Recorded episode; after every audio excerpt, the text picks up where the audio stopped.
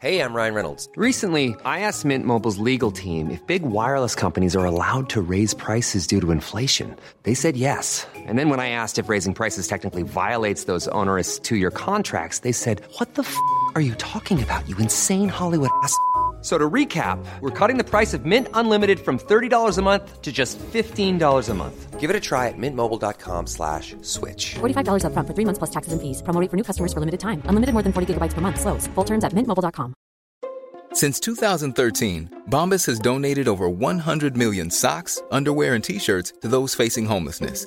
If we counted those on air, this ad would last over 1,157 days. But if we counted the time it takes to make a donation possible, it would take just a few clicks. Because every time you make a purchase, Bombas donates an item to someone who needs it. Go to bombas.com slash ACAST and use code ACAST for 20% off your first purchase. That's bombas.com slash ACAST, code ACAST.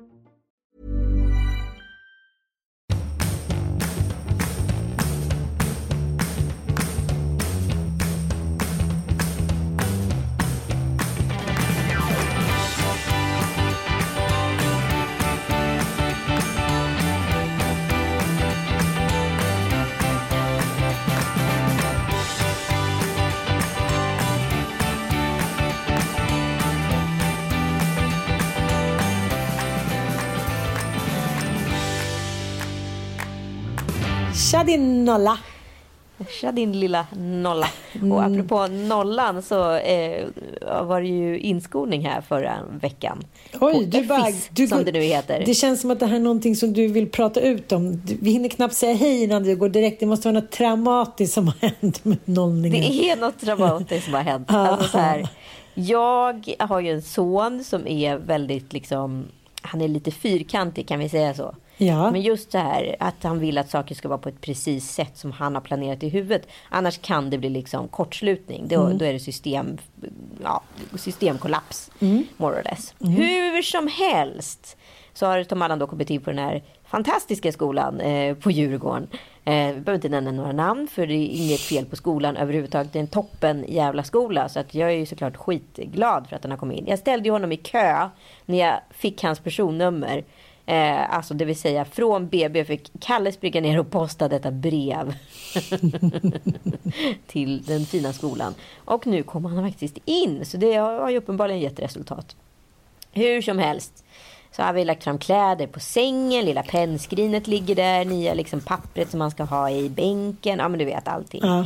Och vi är ute i skärgården dagen innan eh, med familjer, några stycken olika familjer och sover över och vi åker in, du vet kanske en halvtimme för sent kommer vi iväg på morgonen. Såklart. Såklart. Och glömmer också bort att alla andra skolor också börjar idag. Så vi fastnar i bilkön från helvetet. Och jag inser ju närmre vi kommer stan att vi kommer inte hinna passera hemmet för att hämta de nya kläderna och allt det där. Jag sitter dessutom själv i någon form av, ja, vad ska jag kalla det för, LA träningsoutfit. Passande liksom på ett Djurgårdsvarv. Men absolut inte på en förskoleinvigning på en snobbskola. Nej. Tom Alice, nu blir han stressad.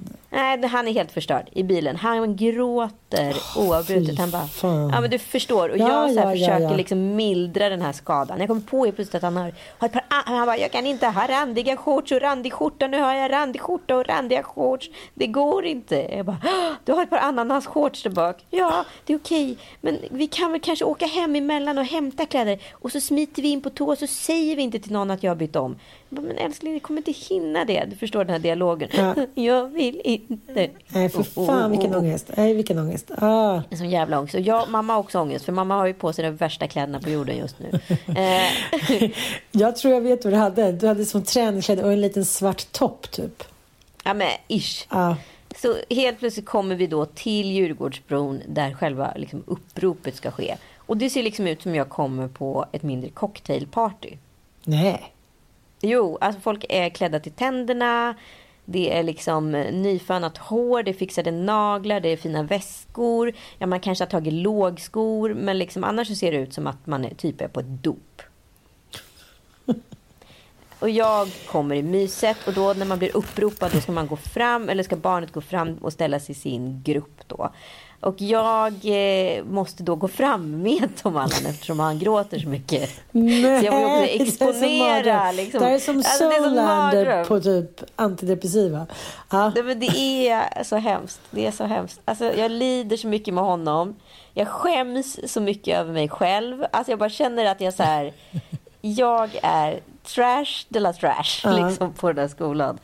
Och sen så ska barnen åka något litet lilleputtetåg och sen ska de gå någon marsch med liksom de äldre barnen. Och han bara gråter och gråter. Nej, jag orkar gråter. faktiskt inte det här. Jag gråter också inombords för jag vill verkligen inte vara där. Jag vill liksom bara reversa hela den här dagen och få en ny omstart. Ja. Alltså allt som kunde gå fel gick fel. För Ja. det här är ju liksom typ en av de största dagarna i små barns liv. Liksom. Ja, ja. När, de, när de går från dagisbarn till att de ska Ja, börja liksom. ja. Effis. Ja, såklart. Och det kommer jag ihåg fuckar själv. upp den här dagen. Alltså jag är en sån usel mamma. Jag är en sån usel, usel mamma. Faktiskt Just lite. här och nu. Faktiskt lite. Bara för att jag gjorde allt perfekt för en gångs skull. Nej, men Bobsy Ewing då, eftersom det är så att man lottas in i systemet på något sätt när man inte söker privatskola så hamnar han då bland 28 elever i en skola han aldrig varit med barn han aldrig har sett.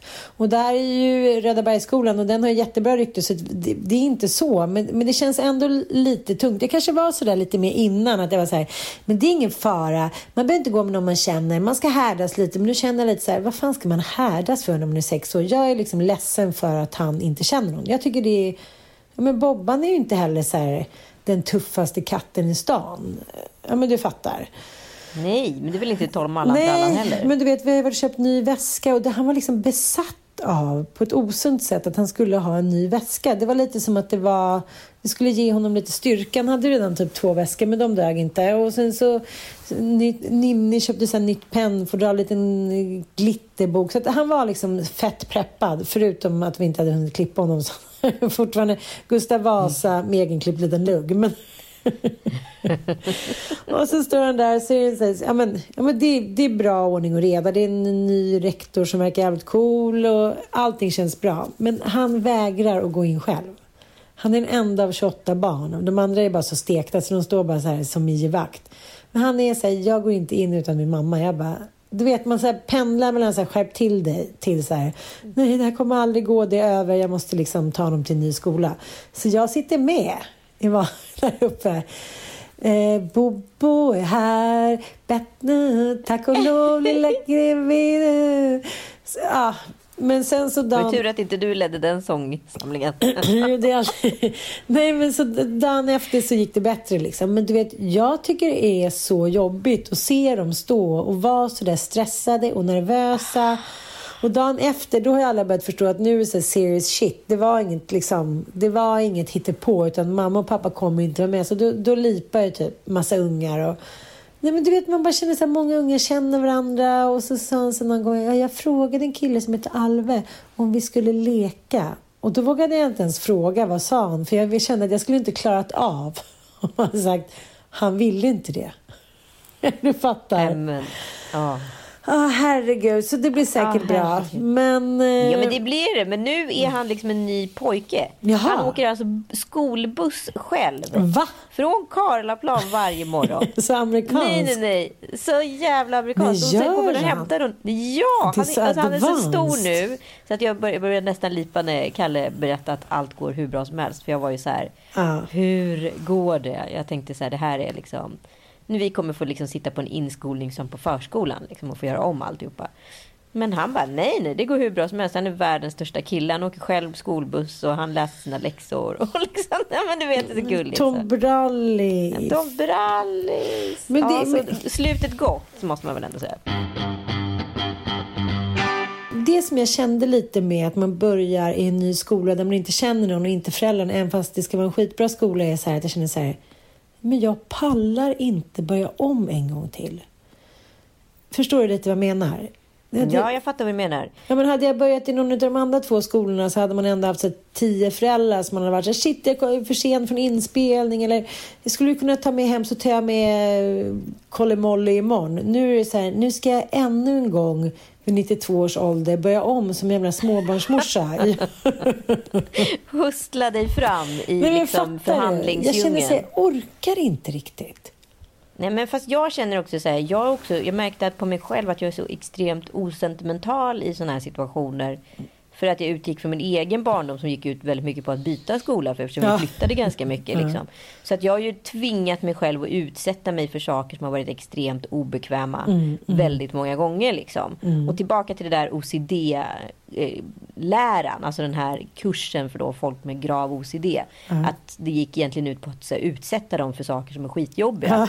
Det är ju exakt det man har liksom Ja, men jag kan gjort. uppdatera då. I förra podden pratade vi om att ett nytt tillvägagångssätt för att bota då patienter med OCD är att så bara utsätta dem under, så här, som krigstyranni under typ fyra, fem dagar. Bara all skit de liksom tycker är jobbigt. Var det inte så det funkade? Ja, exakt. Ja. Men förstår du hur många så här stresskollapser jag indirekt har haft men ändå liksom Ja, sen gör man det bara. Jag kan ju få samma så här stresspåslag ibland när jag går på mingel också. Men ändå, ändå liksom vet jag att så här, det är bara in och göra det. Liksom. Upp, höj huvudet, ta ett djupt andetag och så in där bara. Liksom. Och sen går det bra efter typ, nej, det tar väl tre minuter och sen är ångesten borta. Liksom. Men apropå liksom kompisar och liksom situationer. Jag har liksom börjat störa mig så jävla mycket på såna här kreddiga gäng på Instagram. Eller men man ser så här. Det här är kreddiga människor. Man kan säga naila dem. Man, bör, man, man ser i deras ögon. De här, de vet om att de är viktiga. Och de umgås med andra människor som de också anser viktiga. Och när de alla tror tillsammans i, sin ängslan att alla är så viktiga, då blir de enormt starka. De blir enormt viktiga. starka. De blir enormt viktiga och enormt starka i sin liksom, viktighet. Och sen börjar jag inse att så här, men det är ofta så här grundkreddiga människor som var kreddiga för kanske 20 år sedan som alltid liksom är, är någon form av nav i det här kreddgänget. Och kanske har liksom en ganska gedigen karriär men inte lika kreddiga längre. Men de ser till att hänga med unga up and coming kreddiga människor. Det är klart. Och kreddiga. Så att så här, det blir liksom, så tar den kreddiga personen med en annan kreddig person och så helt plötsligt så sitter man där som ett litet så här kreddnav. Och så bara tänkte jag så här, shit det är typ liksom samma metodik som så här parkbänks alkisar har. Att så här, det börjar med att de så här, det är någon som är, tu, så här, vad ska jag kalla det för? Eh, Alltså kungs... Va? någon som är liksom groggkonung där. Liksom. Ja, jag på fattar, tronen, fattar. Ja. på parkbänkstronen. Och sen så är det liksom... Så kommer En en yngre, en yngre mini-alkis som bara så här, får hänga med, Ja, sen- typ, som har lite exakt, fler tänder. Precis, och sen, det, han är liksom som någon så här toppvampyr. Ja. Och liksom, sen kommer de här yngre alkisarna så att han kan liksom suga blod Ja. ur dem. Och liksom, det, det är en hundraprocentig näringskedja. Kreddvampyrer. Ja, och då kan de se upp till honom och så håller det på sådär. Mm. Och det är exakt samma hierarkier i de här kreddhängen. Liksom. Så det tänker jag på så mycket att fan vad mycket det är som så drivs av ängslan i grunden. Liksom. Ja, men, ängslan är väl den största drivkraften. Jag tänker de, senaste veckornas så här, kulturkräftgång också med eh, Åsa Linderborg och ja, men, recens recensenter som ska häckla och hit och dit. Det är en otrolig ängslighet och jag, jag tänker också när man läser så det verkar så, det är så hårt och kallt i den där ängslan. Det är det. Ja. Och jag har liksom själv varit i de här liksom kvarteren ett par gånger, aldrig passat in. Och det var likadant Mm. i högstadiet. Jag var alltid med de tuffa men liksom var aldrig riktigt med de tuffa. Förstår Ja, du? jag fattar, jag och fattar. aldrig heller haft liksom en superambition att vara där. Och jag tycker det är så jävla intressant att stå på utsidan och titta in. För man vet liksom att på det där kalaset, där fy fan vad de lyfter varandra. Det är jävligt kul där. Men fy fan vad ensamt det är på andra sidan. Mm, men, men höll ju på... Jag mådde faktiskt ganska dåligt av en krönika som Anna Anlund skrev. En av tjejerna i eh, Della Q. Det var ju olika typer, former av lustmord hela Ja. tiden som bara slutade med ett jättemord. Ja, ja, men verkligen. Och då skrev hon så här att det börjar redan i skolan, speciellt för tjejer. Liksom, hur, hur lätt det är att så här halka ur den yttersta, högsta kretsen. Mm. Liksom ett felhångel, ett fel ord, eh, att vara lite för snygg, lite för cool. Alltså, så man vet aldrig vem som ska bestämma när man hamnar i kylan. Och eh, den känslan är ju helt vedervärdig tycker jag. Att, så här, Tänk ja, men, om jag skrev, det... men det har väl vi också pratat Tänk om man säger något i podden, tänk om man skriver något på Insta, tänk om någon blir arg på en. Där får man ju ändå dras lite med när man rör sig inom mediala kretsar. Jag tänker ändå på det, även fast jag liksom inte orkar hålla mig i den där kretsen hela tiden, eh, liksom högsta kretsen, så är det ändå att man är ganska orolig hela tiden att man ska göra någonting på fel sida, liksom snöret. Förstår du vad jag menar? Ja, men exakt. Och det, det är det här som också så här, det är anledningen varför folk i vuxen ålder, man ändå borde ha liksom sunt förnuft och förstått och skapat något egenvärde i sig själv. Att man fortsätter hänga i de här kreddhängen. Det är för att det hänger kvar sen skolan. För att så här, du är ingen ifall du inte är en del av en grupp. Mm. Och egentligen kan du skita i all typ av offentlig berundran. Bara du blir sedd av dem i gruppen. Så att så här, mm helt plötsligt kan du liksom också helt fel navigera i det här systemet. Det är viktigare att bli sedd utav en person som egentligen per definition inte betyder ett skit för någon. Och du kan välja ett helt jätteknasigt livsval baserat på det. Istället för att så här, du går din egen väg och vågar satsa på det du faktiskt brinner och tror för. För där blir du hela tiden hånad och häcklad i gruppen exempelvis. Men jag fattar, men nu, nu tycker jag ändå att du är lite så här minikini dubbelmoralist. För att jag tänker senaste helgens festivigheter. Det verkar ju du tycka var så här otroligt kul att vara tillbaka in the limelight. la ut massa bilder, årets fest och bla bla bla. Om vi nu ska säga Michaela Fornis fest på Berns här i helgen. Så att du, du säger i och för sig lite emot dig själv här nu. Nu anses ju säkert Michaela Forni superkreddig eh, bland vissa. Eh, jag har ju inte tänkt på henne ur ett cred-perspektiv. Men det beror ju på liksom från vilken vinkel man har. Liksom. Eh, men jag... Det var ju en kreddig fest. Alla var där. Party såklart. Mm. Och jag tyckte att det var... Framförallt vet jag, jag tyckte det var så jävla kul att klä upp sig till tänderna. Mm. Att lägga liksom en timme på att fixa så smink och hår. Att eh, ta en drink innan. Du vet saker som man inte, inte gjort på ett år känns det som. Eh, att så här, möta upp sina, liksom, typ, eh, några av sina bästa kompisar. Och alla typ känner alla och det är mycket så här, hej hej stämning och folk vill skåla och är glada. Och man har, får ett rolig bordsplacering och det är ett party utav Guds jävla nåde liksom. Även fast vi måste sitta dansa vid borden så är det liksom party party, party, party. Jaha, var det så att man måste, man måste sitta ja. dansa vid borden? Jisses Amalia. Inte stådansa.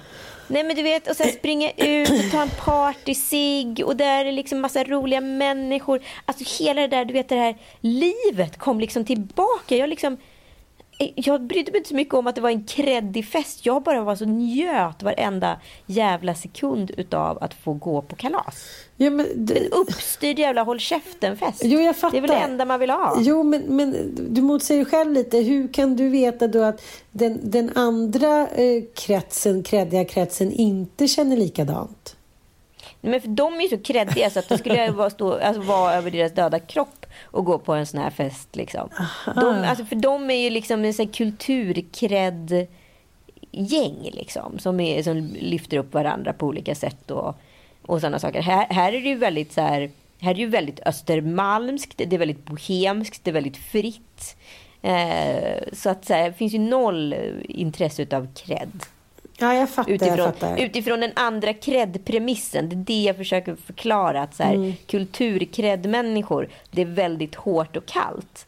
Under tiden liksom, den här typen av kredd, det är liksom mycket mera ryskt. Eller vad man ska säga. den där ängslan, jag tror ändå att det har blivit bättre. Jag tänker när Karina Rydberg berättar om hur det var på 90-talet. att säga liksom tjejer som var framgångsrika inte ens pratade med varandra på krogen för att det var så ängsligt. Och att de var så rädda för att liksom inte framstå som så självständiga och kreddiga. Då kände jag så här, usch. Nej, man vill att det ska vara varmt och mysigt och högt i tak.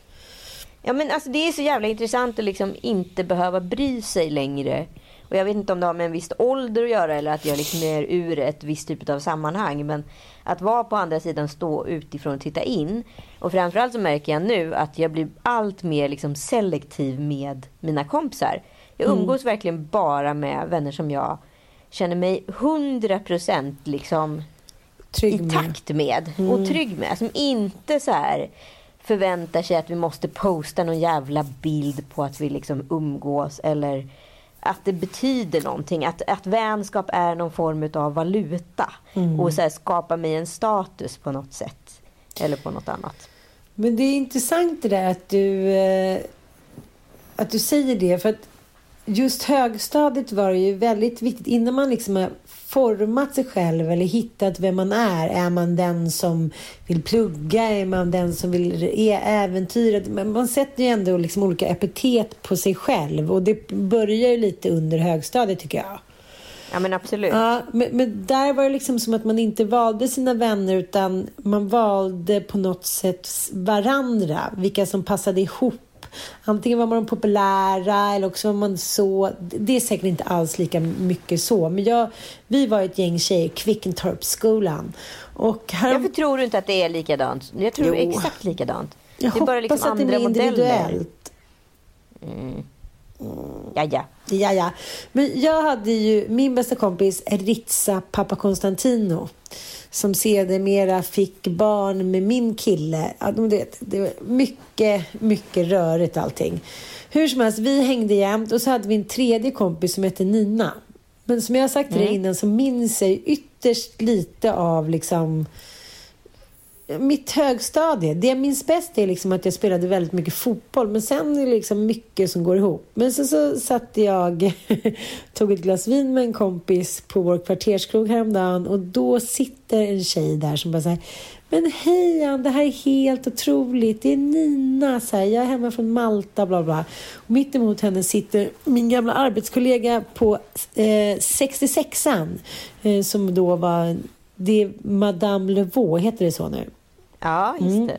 På Eller ja, i alla fall på, vänta det hette så för 20 år sedan. det kan ha bytt namn. Ja. Men du vet, Marie, man, man Marie Levaux Marie Levaux, ja. Men man slungas liksom tillbaka. Alla ser ungefär likadana ut men ändå inte. Men, men någonting som alltid ser så likt, det är ju rösten.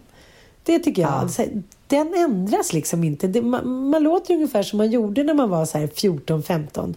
Och hon berättade för Stefan som sitter mitt emot dem är kompisar. Hon är hemma i Sverige och bor hos honom. Och han visar sig bo då i huset bredvid mitt. han bara, jag har sett det massa gånger här. Jag bara, jaha. Men gud vad roligt. Ja, men då började vi prata lite om, om gamla arbetskamrater. Och så här, de som stod i dörren på 66an. Och det, jag måste ändå säga så här. Dels, Vad är 66an? 66an är då Marie Levaux. Det var liksom krogen som det var innan. Precis lika stort. Jag och min kompis Malin jobbade i baren. Hon var 15, jag var 16. Bara en sån sak liksom. Ja, ja, det, det var ingen som brydde sig. Och vår chef då, Anders som ägde det här stället, var en gammal gubbe. Han åkte omkring i sin uh, veteranbil va, på Söder. Ah, mm, ingen fara, In, inga problem va. Det är trevligt, det är trevligt. Uh, men, men, uh, men du vet, en sån jävla annan värld liksom. De här efterfesterna och de som stod i dörren som kunde vara så här, men de hade ett sånt språk, så det var liksom helt... De hade sån jävla makt. Jag måste ändå säga att alla dörrvakter fram till 2013 var ju skitstövlar.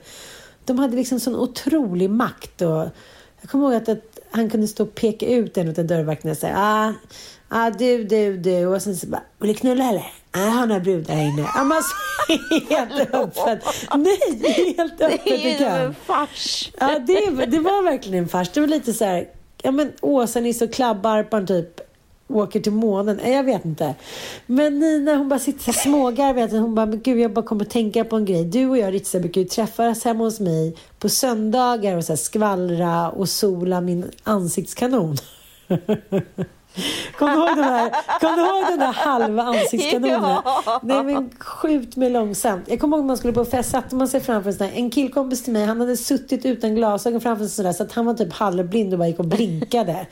Min syrra tålde inte dem, den hade ofta så här köttsår under ögonen, alltid, det är alltid sönderbrända. Jag fattar inte, men, livsfara med de där ansiktskanonerna. Det var ju som att sätta sig framför Tjernobyl och Varför skratta. tror du typ. de för- förbjöds? det är galenskap. Huvudsaken är att man blir brun. Ja, man blir ja. brun.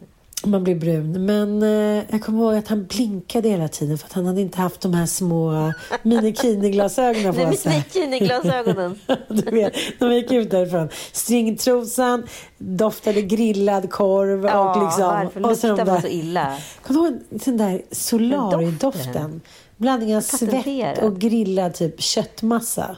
Ja. Nej. ja, det luktar verkligen grillat hud. Alltså. Ja, det är liksom för mycket historiska referenser för att det någonsin skulle vara fräscht.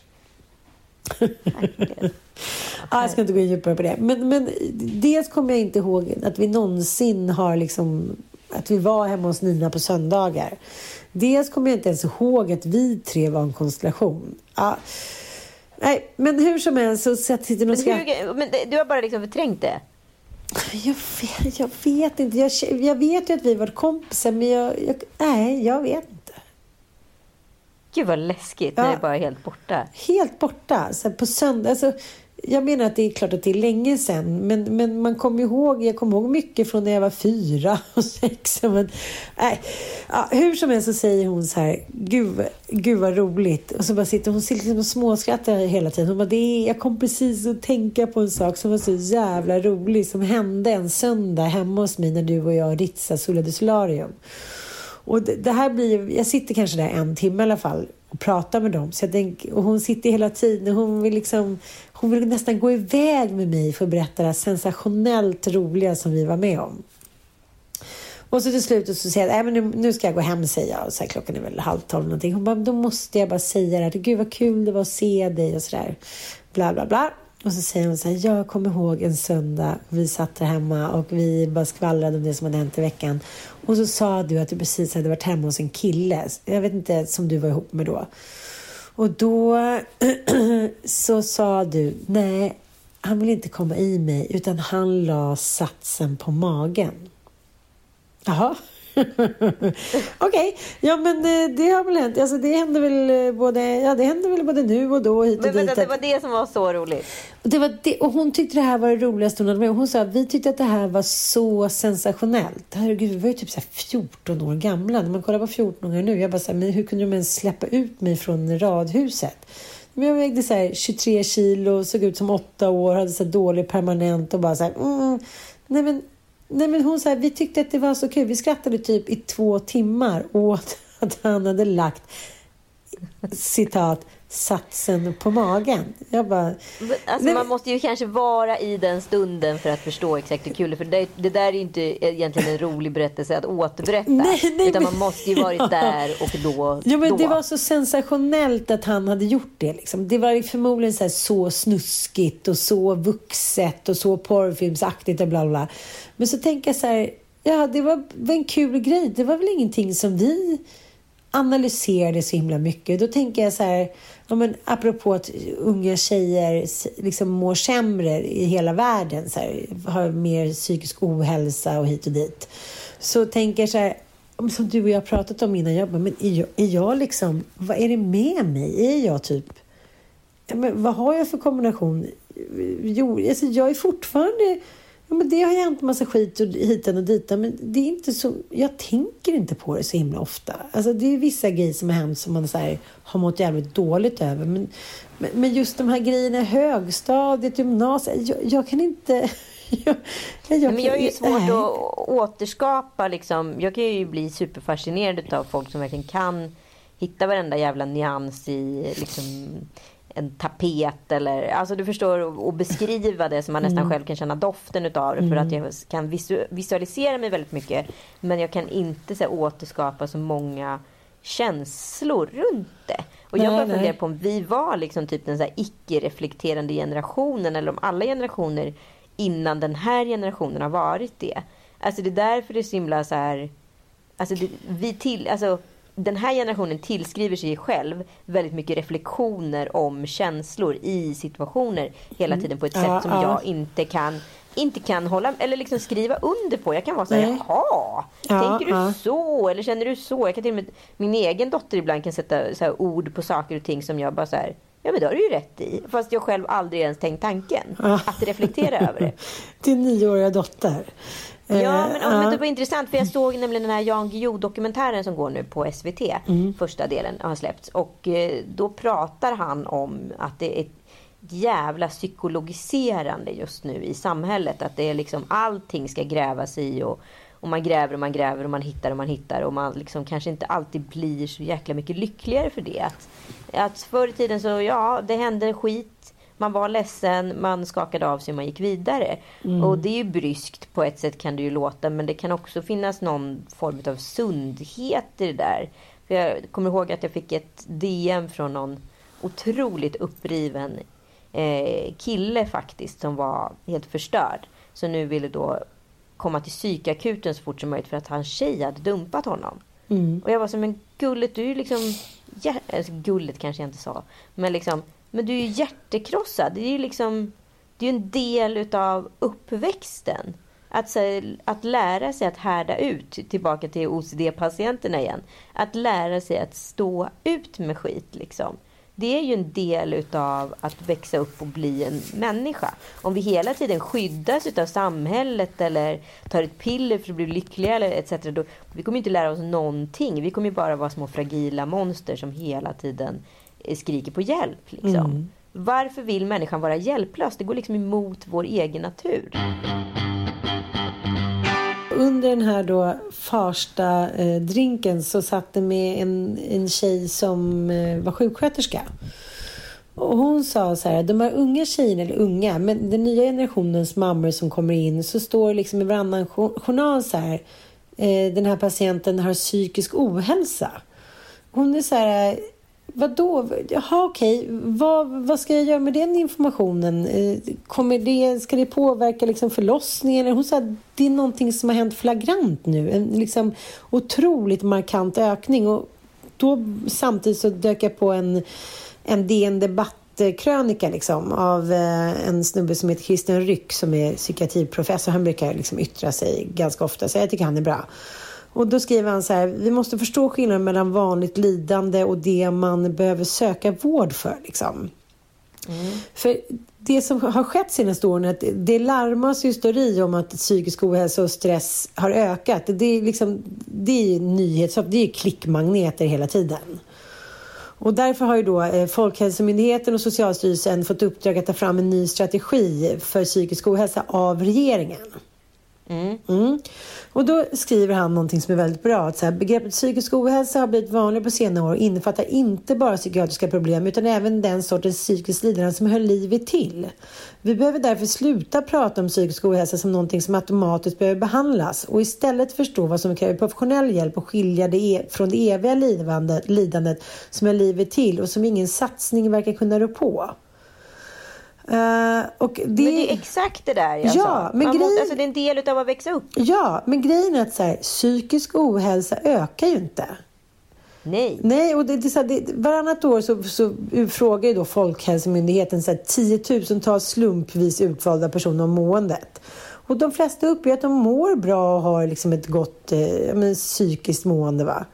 Men, men sen så just 15-åriga tjejer så, så har det ökat då eh, ganska markant. Att de, de känner sig oroliga, de är nedstämda. Och, och det, det, Det finns inte... också extremt mycket gruppidentitet i liksom kollektivismen och det här gemensamma dåligmåendet. Jag säger inte att det inte finns, men jag säger bara att ibland kan man påverka varandra precis som vilka tendenser som helst. Om det är ett rockband, hur många tjejer var det inte som tog livet av sig när Kurt Cobain hade gjort det eller mådde dåligt eller skar sig i armarna. Alltså så här, det, det kan vara olika fenomen som utlöser saker och ting bland 15-åriga tjejer just. Liksom. Det Jo, behöver jag- inte nej, men- betyda men- att de mår egentligen dåligt. Nej, jag vet, men om man slutar så spekulera så är det också som han säger så här att sociala medier pekas ut och skärmar pekas ut som orsaker. Men alla studier visar att det, så är inte fallet. Liksom vi, vi, vi mår bra, men det är just det att vi har ju fått liksom, ja, men man ställer fler diagnoser. Det handlar ju mer om sådana grejer. Och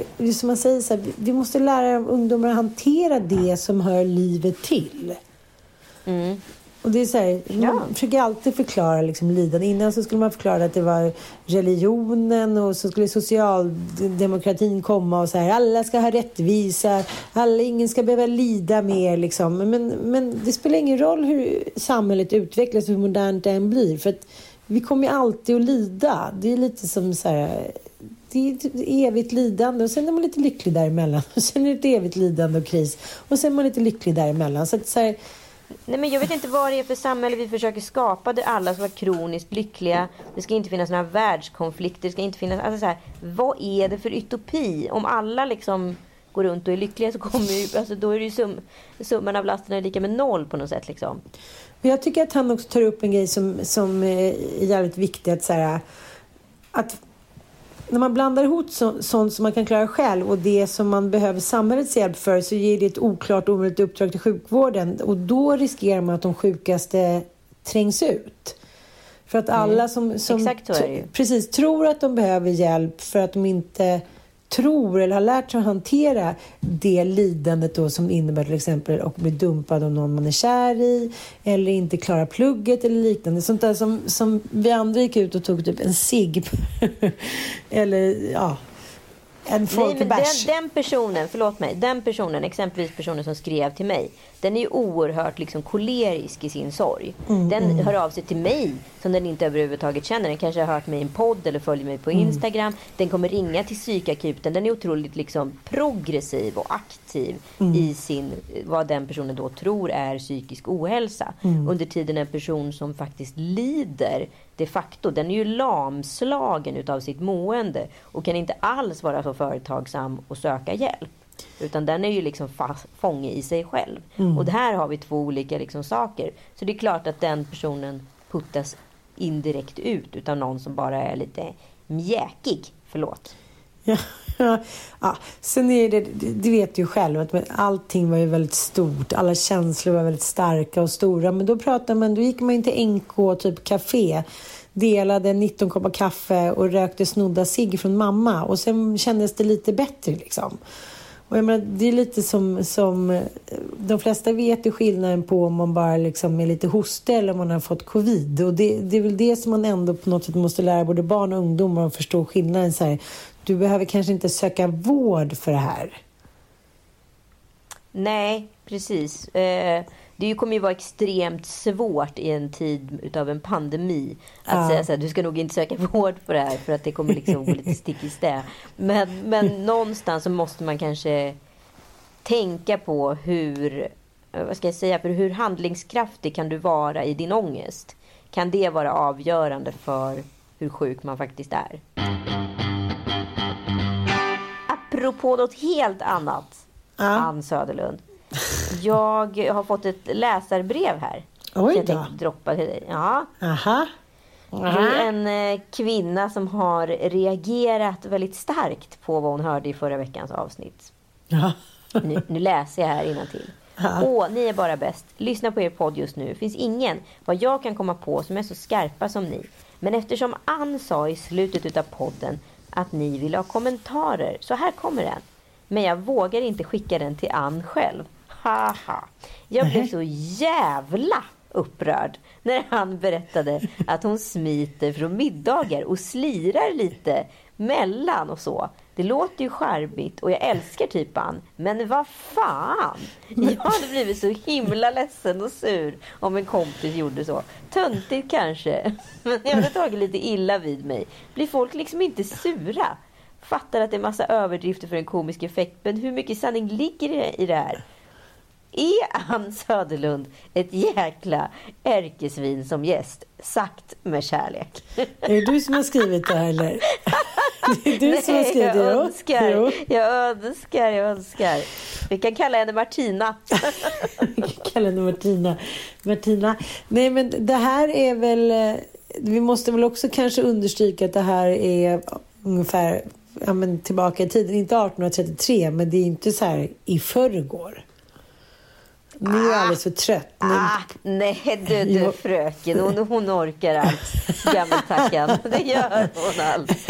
hon tackar omkring. Hon tackar omkring. Men det gör jag väl inte. Den lilla Gotlandsrussen, hon rusar vidare mellan middagarna. Ja, till nästa bock, till nästa bock. Ja, vad har du för försvar då? Nej, men jag tycker inte det stämmer. Jag pratade om en, en tendens som jag tidigare haft, men nu har mognat. Tror jag. jag måste tro. Mm, Nej. Är det okej eller inte? Vad skulle du säga om jag slirade hem till dig tre timmar sent? Du skulle ju inte bry dig. Nej, Jag skulle vara glad att du kom. Nej, men mitt problem är ju att jag är bara glad om någon eh, tenderar att inte vara perfekta eller liksom...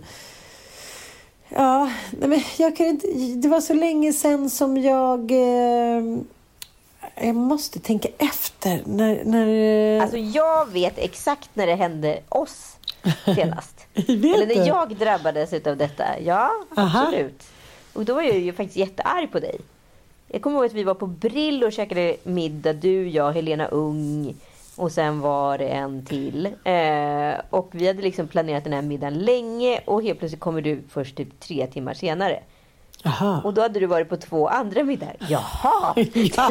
Du är, det, Det minns är lite som inte. att kolla på det är lite som att kolla på Klimpen och Eves Yout- Youtube-kanal. Alltså har du sett Klimpen? Nej. Forever eller vad den heter? Nej. Nej, men alltså Klimpen är en sån sorglig figur. Och Gud, det är så mycket jag vill prata med dig om som du inte... Eftersom du inte hänger med i liksom, populärkulturen så är det så svårt. Jag hänger med i min egna grejer. populärkultur. Men vad... vad, vad Jo, men då... Klimpen var ju alltså Klimpen Klimpen. som spelade Klimpen i Bert. Vilket är Jaha, en karaktär som typ okej. ingen kommer ihåg. Han mobbaren. Ja, jag vet vem det är. liten, liten biroll. Ja. Han har ju då bott på gatan typ och varit hemlös och alkad och allt vad fan han nu har varit. Och sett ut som ett troll och sen har han haft en kompis som vara Trollemorson, dokumentär. Trollemorson.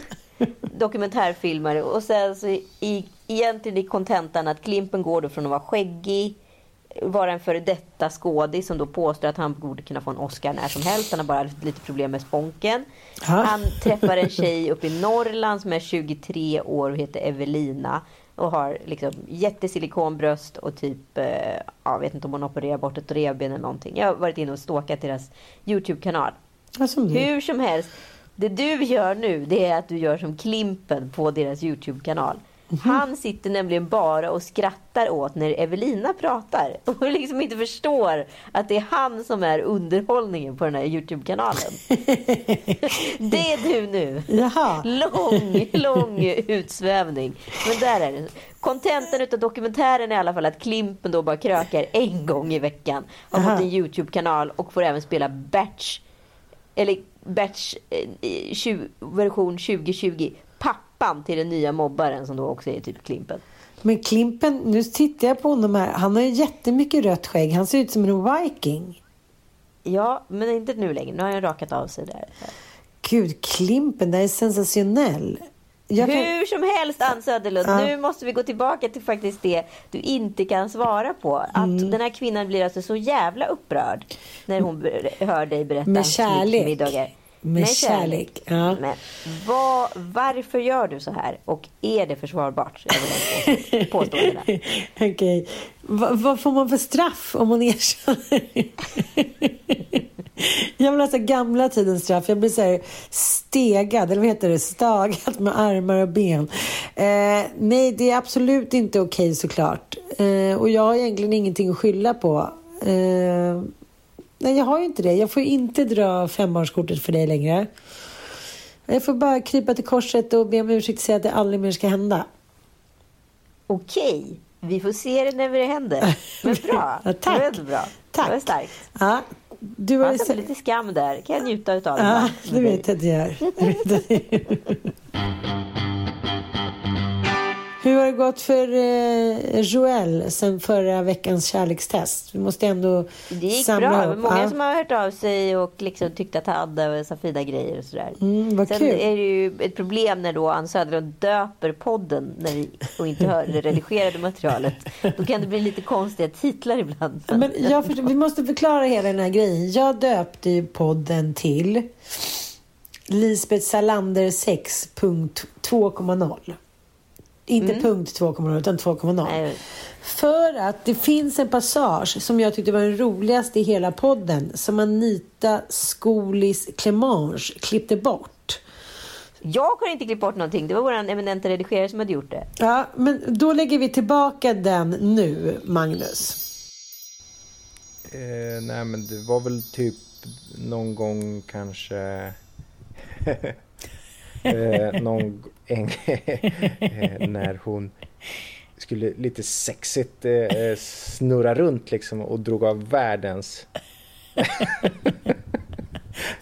eh, bra skit. Då, då dog det lite. Ska hon göra en liten, jag förstår inte, sexpiruett eller ska hon vara lite som i gamla farser eller vill hon liksom vara som en så här gymnastikprinsessa eller varför gör hon helt plötsligt under knulleriet Men skulle, skulle vara liksom så här, smidig som, som, en, liksom lite, som en panter och ska liksom så här, hon låg på rygg bredvid mig. Jaha. Och sen skulle hon liksom snurra runt och sätta sig gränsle. eh, som liksom en liten halvpiruett. Jag fattar. Lite som i så här farligt, farligt begär och farlig Ja, sådana filmer. Att så här, Precis. Glenn Close kunde hem det men inte Anita. Är, är det vår conclusion av hela det här testet? Glenn, Glenn Close på Nu räcker det. Nu räcker det med två. Alltså, nu jävlar. Ja, tack snälla. Puss och kram. Ja, det här tyckte jag var otroligt uppfriskande. Hur jag ser Anita framför mig när hon är lite ärtig och sexig en sen kväll. Kanske lite på pickalurven, nej? Kan vara. Kan, kan vara lite tre glas glada chablis innanför skinnvästen. och hade, du hade säkert någon liten eh, underklädes... Eh, lite, slinkig, inte syntet utan sidange. Och gör en liten... Ni ligger och hånglar och sen så gör du ett litet uppkast alla Lisbeth Salmander. Och det här det säger ju Joel och inte jag. Och ska liksom göra en liten snurr och så sätter det gränsle och släpper en brakare. Vilket Det är roligt så. Det är roligt det är så. sensationellt roligt för att det är så här, att allt faller. Vet Allt faller. Jo, men eh, lusten tingar av. Ibland kan man ju skratta när man har sex, men det var tydligen inte en sån kväll. För jag tror att du gick lite för hårt in. Förstår du? Det gick, liksom inte, det gick inte att rädda. Du har ju problem med tarmarna. Det är någonting vi har pratat om förut. Just ikväll. Men att- varför de här återkommande grejerna komma tillbaka hela tiden? Jag kan för mitt liv inte förstå det. Nej. Varför tycker du att det är så roligt? Varför måste det vara Nej, liksom för en att- klabbarpan-podd? för att jag ser det. Och kan inte du så- liksom lämna det? Jag, Nej, jag på kan här- inte på, lämna det. Jag har varit på hotell med dig där du har liksom brakskitit liksom, i receptionen. Men det tas inte upp. Det är bara mina fisar. Minikini-fjärtar. Du, du har inte nämnt Barcelona. Hur som helst. Paddan. Paddan. så tycker jag att det är så otroligt roligt. För jag ser, jag har aldrig sett något så tydligt framför mig. Som Nej, men jag kan att- berätta om paddan. Så kanske våra poddlyssnare kan visualisera det. Det är preskriberat. Nej, paddan. Du kommer, du hör hur lättkränkt jag är. Du kommer hem med den här direkt. För att jag klarar inte av att hantera det här penibla. Paddan är alltså att vi är på festival i Barcelona för tre år sedan. Åh, det blir en dålig historia här. För jag fnissar så mycket. Två år sedan man får jag- be. Är det bara två år sedan? Ja, Ja. Eh, och jag är trött, som jag- den lilla tant jag är. När jag är på fest med Hans Söderlund. För Hans Söderlund nämligen, alltså det finns ingen kvinna på jorden som har så mycket energi. Och Som min har mor sina har vi konstaterat. Som min mor. Ja, som din mor. Och när hon inte har sina fem barn, då, då, kan hon, då finns det liksom inget stopp. Det, finns, alltså så här, det är som att hon har dragit 18 linor i ladd utan att ha dragit 18 linor i ladd. Dålig referens, men alla, alla som fattar fattar. Skitsamma. Eh, nu ska vi se. Jo, och det är så att jag går hem och lägger mig vid ett. Tycker ändå att jag haft kört på ganska bra den här kvällen. Somnar gott. Klockan fem på morgonen så bultar på min dörr. Till historien hör att Ann har ett eget hotellrum. Jättefint. Jättefint, vägg i vägg. Allt hade varit perfekt, men hon vill inte sova själv. Hon Rätt, tar av sig alla rätt, kläderna, utom Barcelona. trosorna. Och lägger sig liksom på rygg, men ni vet benen ut som i skräddarställning. Snarkandes, snarkandes, snarkandes i mitten av en 140-säng. Förstår ni ungefär vad som finns kvar på sidorna? Och där ligger hon och snarkar, pruttar och liksom rapar i ett. Nej. Rap? Ja, men så här, så här fyllerapar, så här, kucklar i halsen liksom. Kuckeliku. Och där ska jag liksom, klockan är fem och jag kan liksom inte somna om. Det är liksom över.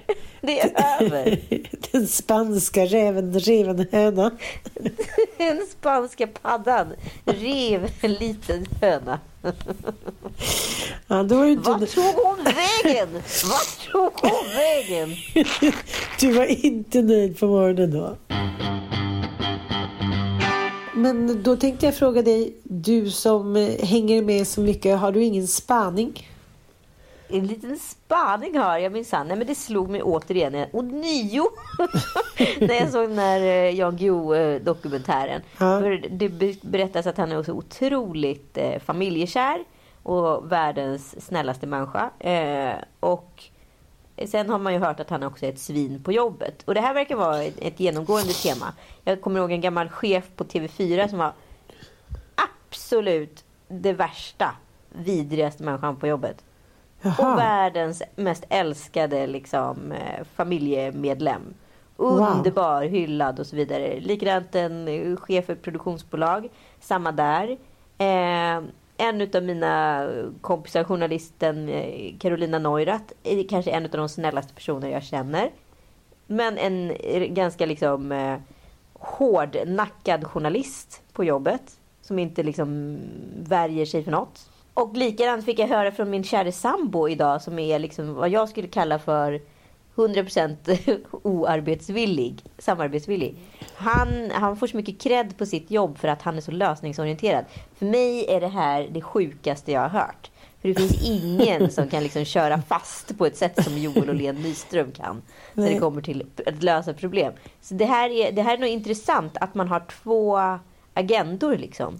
Personligen så är jag ju liksom, jag är lika sur på jobbet som jag är hemma. Eller jag är glad. lika glad Mm. på jobbet som jag är hemma. Alltså för mig finns det inga nyanser. Men att det finns personer som verkligen kan dela upp det här. Ha ett jobb alter ego och ett hem alter ego. Vilket är det verkliga? Eller allt ett? Nej, jag fattar. Fast det där tycker jag man ser hela tiden. Jag är ju ganska mycket mig själv var jag än jobbar och skulle kanske vara det även om jag jobbade på ambassaden i Beirut. Men eh, de flesta man har runt omkring sig har ju en jobbröst och en hemmaröst. Mm, det är sant. Men, men det är kanske människor som jobbar eh, som har chefer. Ja, jag vet. Men jag, här, jag orkar liksom inte. Jag är ganska filterlös tror jag. Jag orkar inte spela spel längre. Sen förstår man ju att i vissa sammanhang att så här, jag kan ju tjäna på att spela ett spel. Vi jobbade ju häromdagen eh, inför ett annat projekt och då, då tänkte jag faktiskt mycket på det att eh, då var ju min son Dante med och då var det ska vi spela pingis? Ska vi, alltså, du, kör lite samma approach vare sig du är in charge eller in march. Alltså, nej, jag tycker du, du, du, nej, du har inte två identiteter, det har du inte. Nej men och det har ju inte du heller. Men- du är ju samma. Fast, till exempel om jag sitter med så här, psykiatrifonden, då kanske inte jag så här, släpper en brakare. Nej men det är väl klart du Nej. inte gör. Men å andra sidan kan du berätta liksom när vi sitter med möten med typ Seat att så här, någon har kräkts på din tröja precis liksom. Jo, det är sant. Det är sant. Du satt ju i och för sig och du släppte en brakare inför Ebba Busch Thor, så jag vet inte. Å andra sidan. Å andra sidan. Nej, men jag tror att du är väldigt, väldigt transparent liksom. Men, eh, men du rör ju ungefär i samma världar hela tiden ändå, tycker jag. Tycker du? Ja, men det tycker jag. Alltså, du är alltid någon, någonting med sales och entreprenör och business. Är du inte det?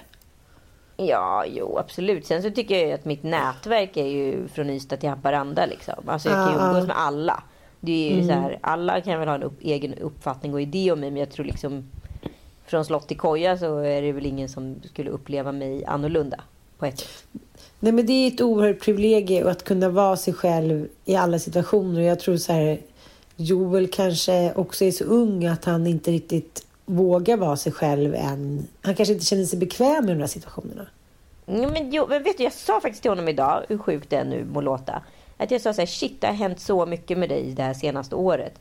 Det är liksom som att hans här, sociala ångest har släppt. Eh, han kan prata, approchera människor. Han har en egen självkänsla och en självbild som jag liksom inte upplevt tidigare. Att den, eller den har varit mycket längre fram till den. Och nu kan han liksom plocka fram sin charm som jag tycker är så viktig att han kanske ibland bevisar för andra att han har.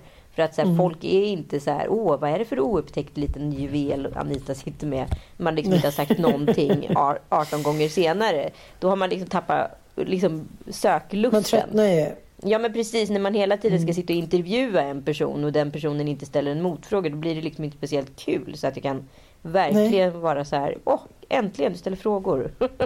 mm. Man kanske har varit lite rädd. Ja, men jag tror han har varit så här, det kommer från bakgrund och allt möjligt. Jag tror han har varit socialt hämmad, blyg, blygsel. Det är ju ett jävla gift liksom. Ja, det har vi aldrig känt av. Det vet inte du och jag hur det funkar eftersom vi aldrig har varit drabbade. Men jag förstår mm. på folk som är blyga att det ett extremt stort handikapp.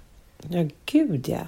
Jag tänkte på det när, när Bobo var så jag vill inte gå in utan mamma. Att jag kände så här, men kom igen nu, vad är problemet? Så tänkte jag, men hur kan du hur kan du ens liksom tänka tanken att bli lite irriterad på typ en sexåring som inte så här, går in och håller en stå uppa första dagen i skolan och inte känner någon.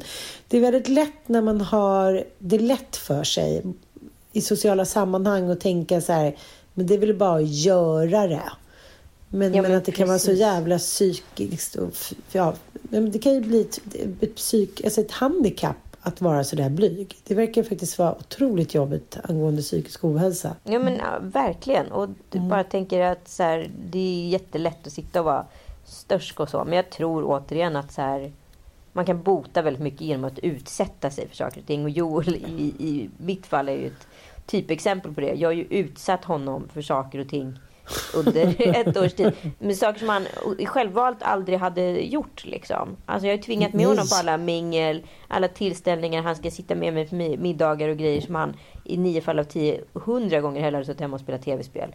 Men mm. i och med att han här, då har utmanat sig själv och faktiskt gjort det här så har det ju också luckrats upp någonting inom honom och helt plötsligt har den här ganska roliga personen som jag vet om att han är också börjar exponera sig för andra. Du är en bra maestro. Ja, jag tycker alla snubbar ska ha äldre brudar, så är det bara. Mm. Jaha. Jaha. Nu ska jag köra Lisbeth Salmander 6. Punkt Fast Salmander, vem är det? Är det, den, det är den här... Salimander. Men snälla Ann Men vadå, hon heter Salmander. Salander? Sal Hur svårt är det?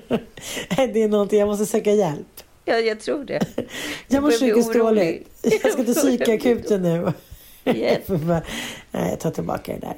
Det är ingenting att skämta om. Men eh, summa summarum så tror jag att man kanske måste inse, som så här, lära sig skillnad på vad som man får ta hand om själv på NK Café med en kopp kaffe och vad, vad som är sjukvården att ta del av. Så är det bara. Just det. Tack för att ni lyssnar. Vi hörs om en vecka.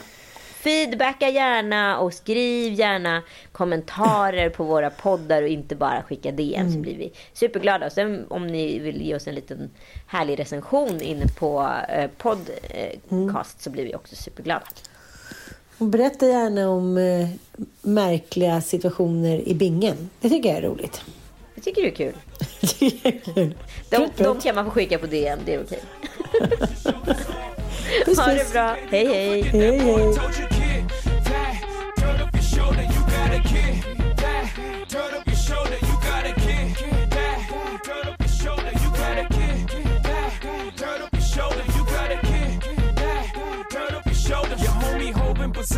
in the kitchen with soda. I just whipped up a watch, trying to get me a rover, trying to stretch out the coca. Even when we're on a budget, we still deserve nice things. Quince is a place to scoop up stunning high end goods for 50 to 80% less than similar brands. They have buttery soft cashmere sweaters starting at $50, luxurious Italian leather bags, and so much more. Plus, Quince only works with factories that use safe, ethical, and responsible manufacturing. Get the high-end goods you'll love without the high price tag with Quince. Go to quince.com/style for free shipping and 365-day returns. Planning for your next trip? Elevate your travel style with Quince. Quince has all the jet setting essentials you'll want for your next getaway, like European linen, premium luggage options, buttery soft Italian leather bags, and so much more. And is all priced at 50 to 80% less than similar brands. Plus, Quince only works with factories that use safe and ethical manufacturing practices. Pack your bags with high-quality essentials you'll be wearing for vacations to come with Quince. Go to quince.com/pack for free shipping and 365-day returns.